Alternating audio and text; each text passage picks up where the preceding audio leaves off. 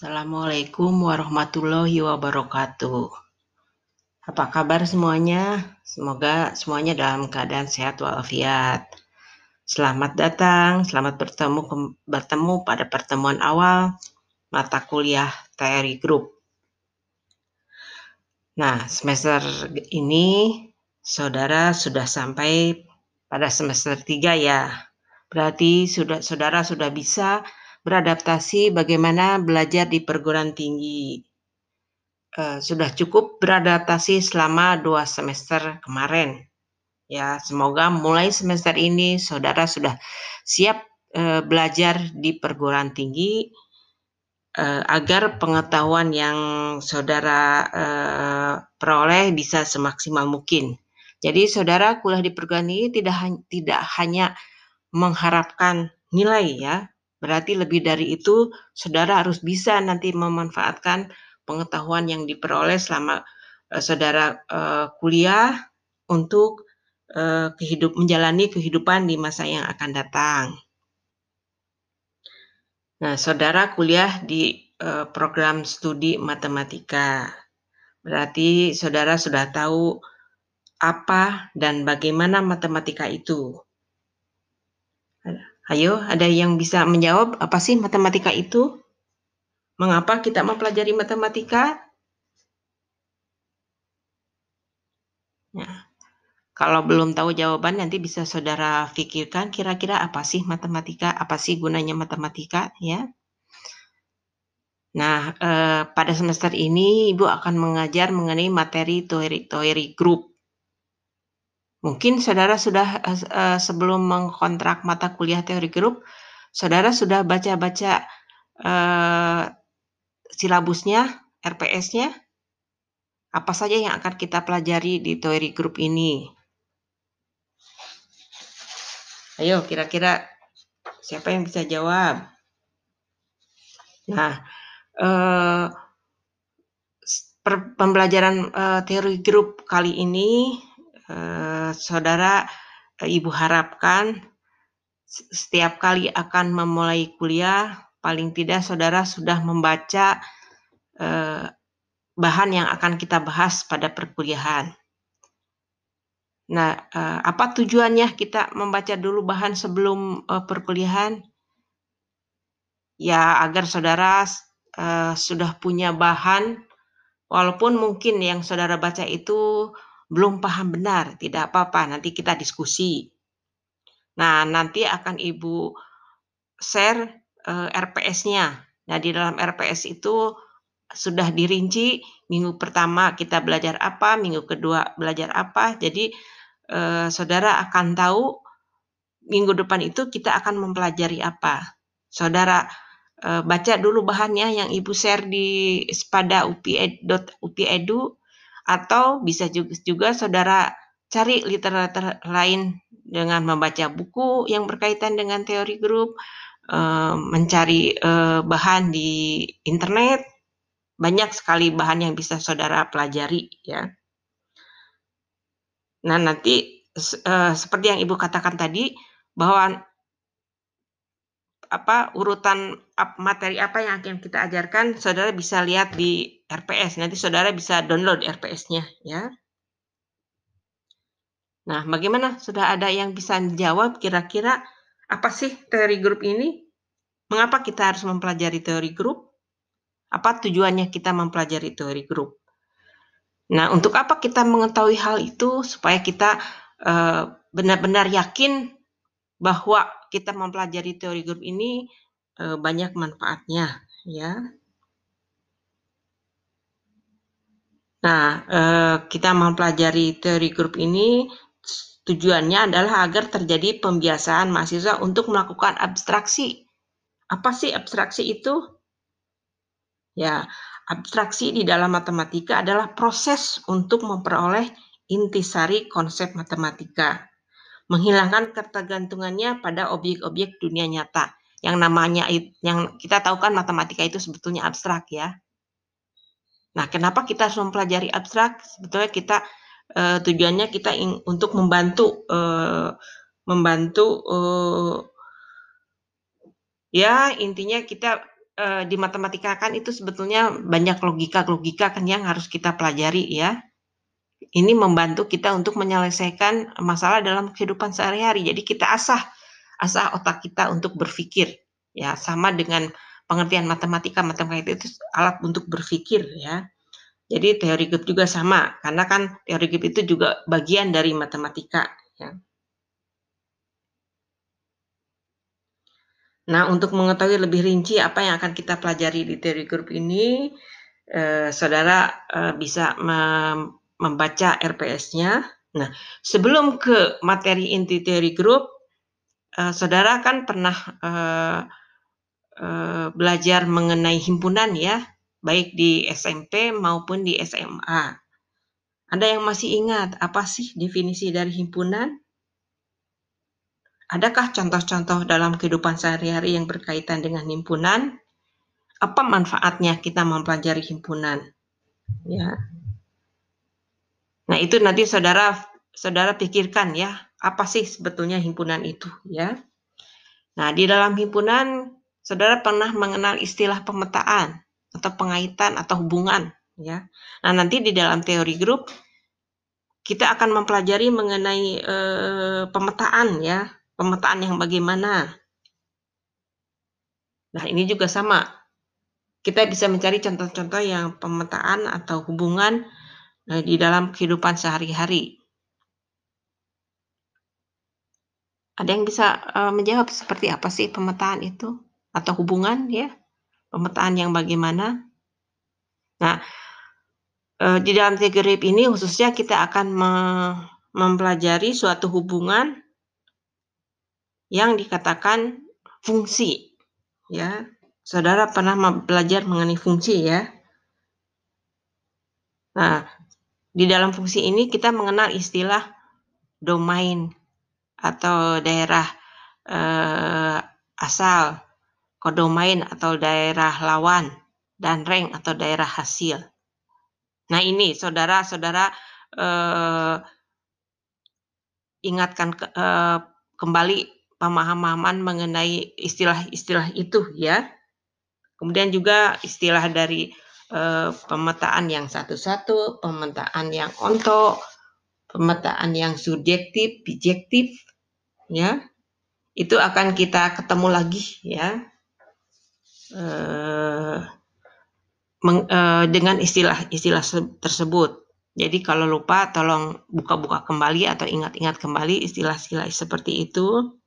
Nah, nanti dalam teori grup akan ketemu lagi dengan istilah-istilah seperti itu. Nah, sebagai pengantar, nah, di sini saja.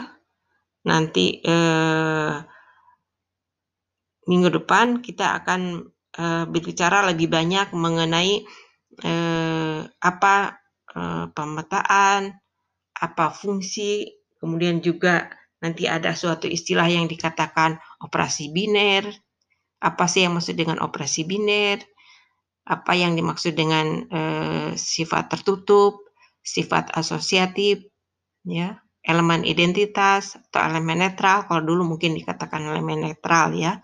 Kemudian eh, inverse dari suatu elemen. Nah, di samping itu juga kita akan berhubungan dengan himpunan-himpunan. Masih ingat himpunan-himpunan yang sudah kita pelajari sewaktu saudara Eh, sekolah di SMP, di SMA ya, masih ingat apa sih himpunan bilangan bulat, himpunan bilangan real, himpunan bilangan uh, rasional berkaitan dengan operasi-operasinya yaitu operasi penjumlahan, operasi perkalian. Ya. Nah, coba nanti uh, saudara buka-buka lagi di rumah mengenai istilah-istilah itu. Dan juga Eh, Ibu harapkan saudara tidak hanya baca dari bahan ajar yang Ibu upload di Spada ya, tapi bisa saudara cari lagi eh, dari literatur literatur lainnya. Nah, sampai di sini dulu pertemuan kali ini. Sekian saja. Assalamualaikum warahmatullahi wabarakatuh.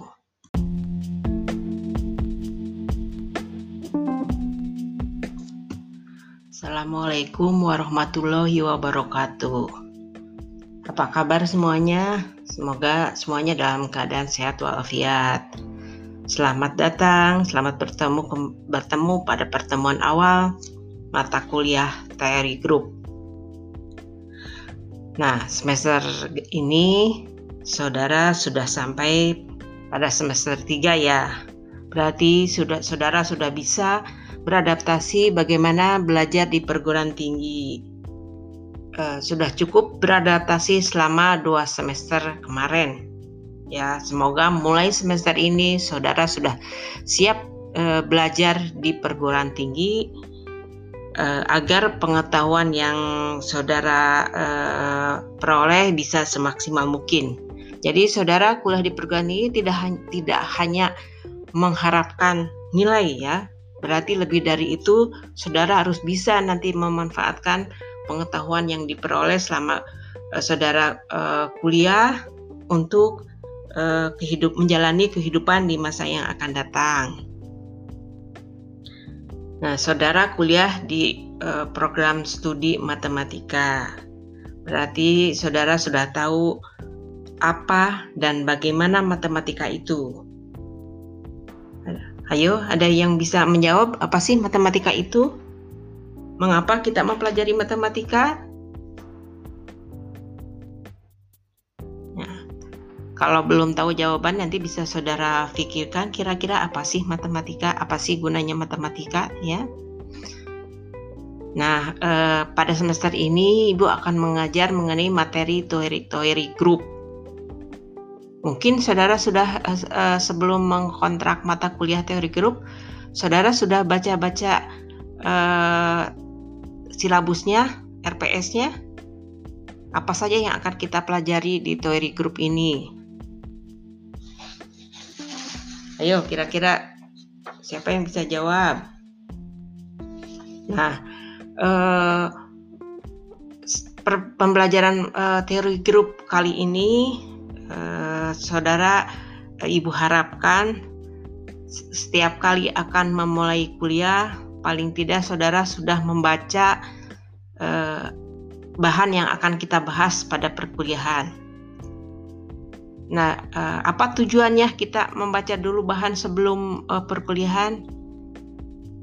Ya, agar saudara sudah punya bahan, walaupun mungkin yang saudara baca itu belum paham benar, tidak apa-apa. Nanti kita diskusi. Nah, nanti akan ibu share uh, RPS-nya. Nah, di dalam RPS itu sudah dirinci minggu pertama kita belajar apa, minggu kedua belajar apa. Jadi eh, saudara akan tahu minggu depan itu kita akan mempelajari apa. Saudara eh, baca dulu bahannya yang Ibu share di pada upi.upi.edu atau bisa juga, juga saudara cari literatur lain dengan membaca buku yang berkaitan dengan teori grup, eh, mencari eh, bahan di internet, banyak sekali bahan yang bisa saudara pelajari ya. Nah, nanti uh, seperti yang Ibu katakan tadi bahwa apa urutan materi apa yang akan kita ajarkan saudara bisa lihat di RPS nanti saudara bisa download RPS-nya ya. Nah bagaimana? Sudah ada yang bisa jawab kira-kira apa sih teori grup ini? Mengapa kita harus mempelajari teori grup? Apa tujuannya kita mempelajari teori grup? Nah, untuk apa kita mengetahui hal itu supaya kita eh, benar-benar yakin bahwa kita mempelajari teori grup ini uh, banyak manfaatnya, ya. Nah, uh, kita mempelajari teori grup ini tujuannya adalah agar terjadi pembiasaan mahasiswa untuk melakukan abstraksi. Apa sih abstraksi itu? Ya, abstraksi di dalam matematika adalah proses untuk memperoleh intisari konsep matematika, menghilangkan ketergantungannya pada objek-objek dunia nyata. Yang namanya yang kita tahu kan matematika itu sebetulnya abstrak ya. Nah, kenapa kita harus mempelajari abstrak? Sebetulnya kita uh, tujuannya kita ing, untuk membantu uh, membantu uh, ya intinya kita uh, di matematika kan itu sebetulnya banyak logika-logika kan yang harus kita pelajari ya. Ini membantu kita untuk menyelesaikan masalah dalam kehidupan sehari-hari. Jadi kita asah asah otak kita untuk berpikir ya sama dengan pengertian matematika matematika itu alat untuk berpikir ya jadi teori grup juga sama karena kan teori grup itu juga bagian dari matematika ya.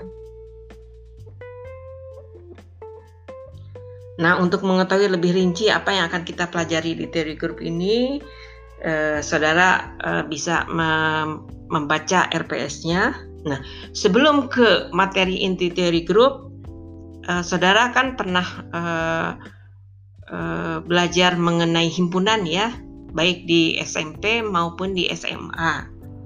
Ada yang masih ingat apa sih definisi dari himpunan? Adakah contoh-contoh dalam kehidupan sehari-hari yang berkaitan dengan himpunan? Apa manfaatnya kita mempelajari himpunan? Ya.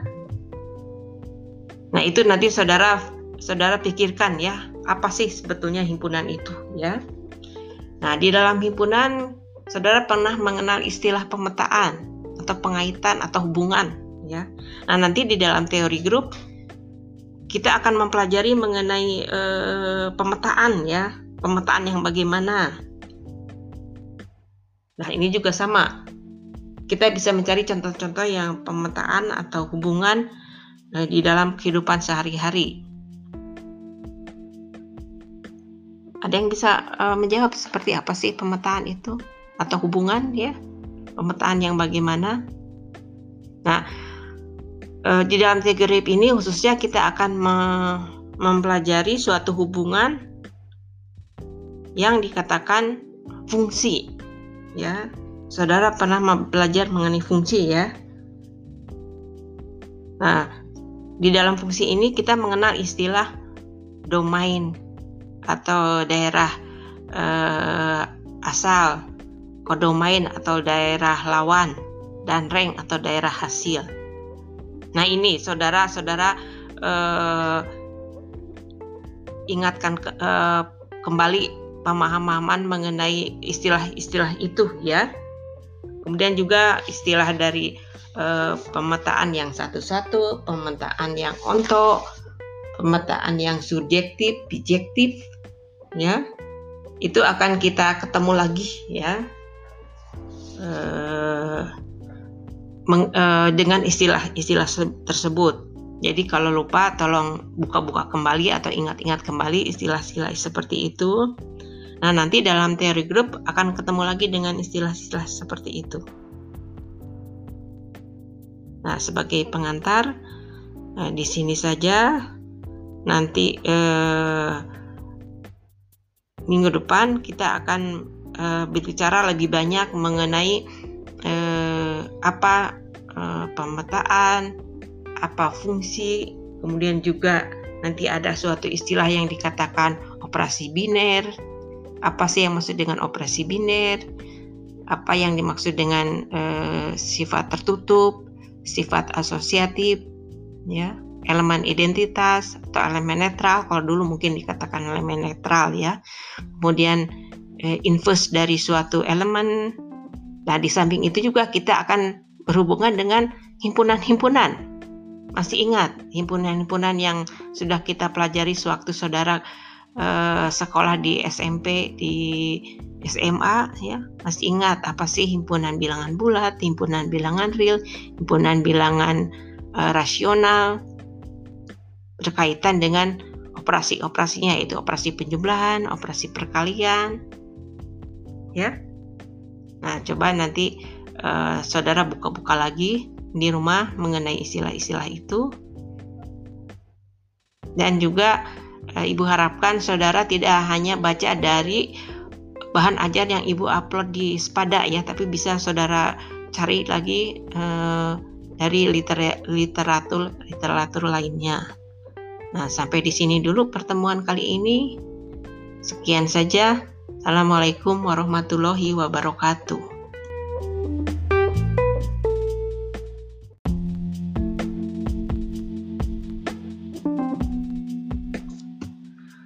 Assalamualaikum warahmatullahi wabarakatuh.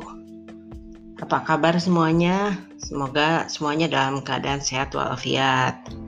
Selamat datang, selamat bertemu bertemu pada pertemuan awal mata kuliah teori grup Nah, semester ini saudara sudah sampai pada semester 3 ya. Berarti sudah saudara sudah bisa beradaptasi bagaimana belajar di perguruan tinggi. Uh, sudah cukup beradaptasi selama dua semester kemarin. Ya, semoga mulai semester ini saudara sudah siap uh, belajar di perguruan tinggi uh, agar pengetahuan yang saudara uh, peroleh bisa semaksimal mungkin. Jadi saudara kuliah di perguruan tinggi tidak tidak hanya mengharapkan nilai ya. Berarti lebih dari itu saudara harus bisa nanti memanfaatkan pengetahuan yang diperoleh selama uh, saudara uh, kuliah untuk uh, kehidup menjalani kehidupan di masa yang akan datang.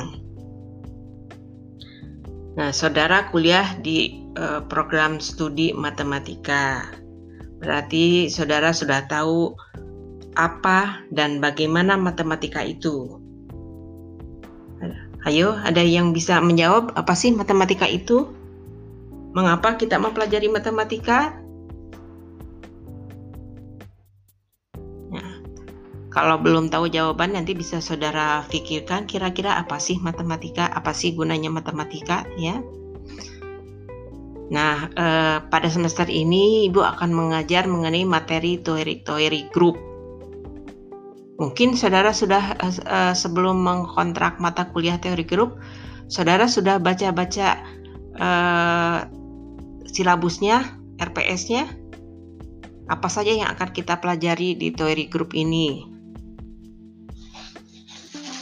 Ayo kira-kira siapa yang bisa jawab?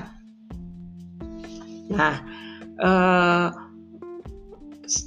pembelajaran eh, teori grup kali ini, eh, saudara, eh, ibu harapkan setiap kali akan memulai kuliah, paling tidak saudara sudah membaca eh, bahan yang akan kita bahas pada perkuliahan. Nah, uh, apa tujuannya kita membaca dulu bahan sebelum uh, perkuliahan? Ya, agar saudara uh, sudah punya bahan, walaupun mungkin yang saudara baca itu belum paham benar, tidak apa-apa. Nanti kita diskusi. Nah, nanti akan ibu share uh, RPS-nya. Nah, di dalam RPS itu sudah dirinci minggu pertama kita belajar apa, minggu kedua belajar apa. Jadi eh, saudara akan tahu minggu depan itu kita akan mempelajari apa.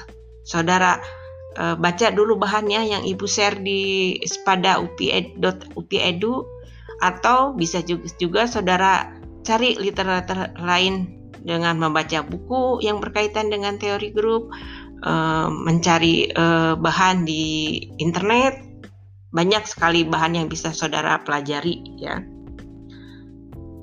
Nah, nanti uh, seperti yang Ibu katakan tadi bahwa apa urutan materi apa yang akan kita ajarkan saudara bisa lihat di RPS nanti saudara bisa download RPS-nya ya. Nah bagaimana? Sudah ada yang bisa dijawab kira-kira? Apa sih teori grup ini? Mengapa kita harus mempelajari teori grup? Apa tujuannya kita mempelajari teori grup? Nah, untuk apa kita mengetahui hal itu supaya kita eh, benar-benar yakin bahwa kita mempelajari teori grup ini uh, banyak manfaatnya, ya. Nah, uh, kita mempelajari teori grup ini tujuannya adalah agar terjadi pembiasaan mahasiswa untuk melakukan abstraksi. Apa sih abstraksi itu? Ya, abstraksi di dalam matematika adalah proses untuk memperoleh intisari konsep matematika, menghilangkan ketergantungannya pada objek-objek dunia nyata. Yang namanya yang kita tahu kan matematika itu sebetulnya abstrak ya. Nah, kenapa kita harus mempelajari abstrak? Sebetulnya kita uh, tujuannya kita ing, untuk membantu uh, membantu uh, ya intinya kita uh, di matematika kan itu sebetulnya banyak logika-logika kan yang harus kita pelajari ya. Ini membantu kita untuk menyelesaikan masalah dalam kehidupan sehari-hari. Jadi kita asah asah otak kita untuk berpikir ya sama dengan pengertian matematika matematika itu alat untuk berpikir ya. Jadi teori grup juga sama, karena kan teori grup itu juga bagian dari matematika. Ya. Nah, untuk mengetahui lebih rinci apa yang akan kita pelajari di teori grup ini, eh, saudara eh, bisa mem membaca RPS-nya. Nah, sebelum ke materi inti teori grup, eh, saudara kan pernah eh, eh, belajar mengenai himpunan ya baik di SMP maupun di SMA. Ada yang masih ingat apa sih definisi dari himpunan? Adakah contoh-contoh dalam kehidupan sehari-hari yang berkaitan dengan himpunan? Apa manfaatnya kita mempelajari himpunan? Ya. Nah, itu nanti saudara saudara pikirkan ya, apa sih sebetulnya himpunan itu, ya. Nah, di dalam himpunan saudara pernah mengenal istilah pemetaan atau pengaitan atau hubungan ya. Nah, nanti di dalam teori grup kita akan mempelajari mengenai e, pemetaan ya, pemetaan yang bagaimana. Nah, ini juga sama. Kita bisa mencari contoh-contoh yang pemetaan atau hubungan e, di dalam kehidupan sehari-hari. Ada yang bisa e, menjawab seperti apa sih pemetaan itu atau hubungan ya? pemetaan yang bagaimana. Nah, eh, di dalam grip ini khususnya kita akan mempelajari suatu hubungan yang dikatakan fungsi. Ya, saudara pernah belajar mengenai fungsi ya. Nah, di dalam fungsi ini kita mengenal istilah domain atau daerah eh, asal kodomain atau daerah lawan, dan rank atau daerah hasil. Nah ini saudara-saudara eh, ingatkan ke, eh, kembali pemahaman mengenai istilah-istilah itu ya. Kemudian juga istilah dari eh, pemetaan yang satu-satu, pemetaan yang onto, pemetaan yang subjektif, bijektif, ya. Itu akan kita ketemu lagi ya uh, meng, uh, dengan istilah-istilah tersebut. Jadi kalau lupa tolong buka-buka kembali atau ingat-ingat kembali istilah-istilah seperti itu. Nah, nanti dalam teori grup akan ketemu lagi dengan istilah-istilah seperti itu. Nah, sebagai pengantar nah, di sini saja nanti eh, minggu depan kita akan uh, berbicara lebih banyak mengenai uh, apa uh, pemetaan, apa fungsi, kemudian juga nanti ada suatu istilah yang dikatakan operasi biner. Apa sih yang maksud dengan operasi biner? Apa yang dimaksud dengan uh, sifat tertutup, sifat asosiatif, ya, elemen identitas atau elemen netral. Kalau dulu mungkin dikatakan elemen netral ya. Kemudian eh, inverse dari suatu elemen. Nah, di samping itu juga kita akan berhubungan dengan himpunan-himpunan. Masih ingat himpunan-himpunan yang sudah kita pelajari sewaktu saudara eh, sekolah di SMP, di SMA ya. Masih ingat apa sih himpunan bilangan bulat, himpunan bilangan real, himpunan bilangan eh, rasional berkaitan dengan operasi-operasinya yaitu operasi penjumlahan, operasi perkalian, ya. Nah, coba nanti uh, saudara buka-buka lagi di rumah mengenai istilah-istilah itu. Dan juga uh, Ibu harapkan saudara tidak hanya baca dari bahan ajar yang Ibu upload di Spada ya, tapi bisa saudara cari lagi uh, dari liter literatur literatur lainnya. Nah, sampai di sini dulu pertemuan kali ini. Sekian saja. Assalamualaikum warahmatullahi wabarakatuh.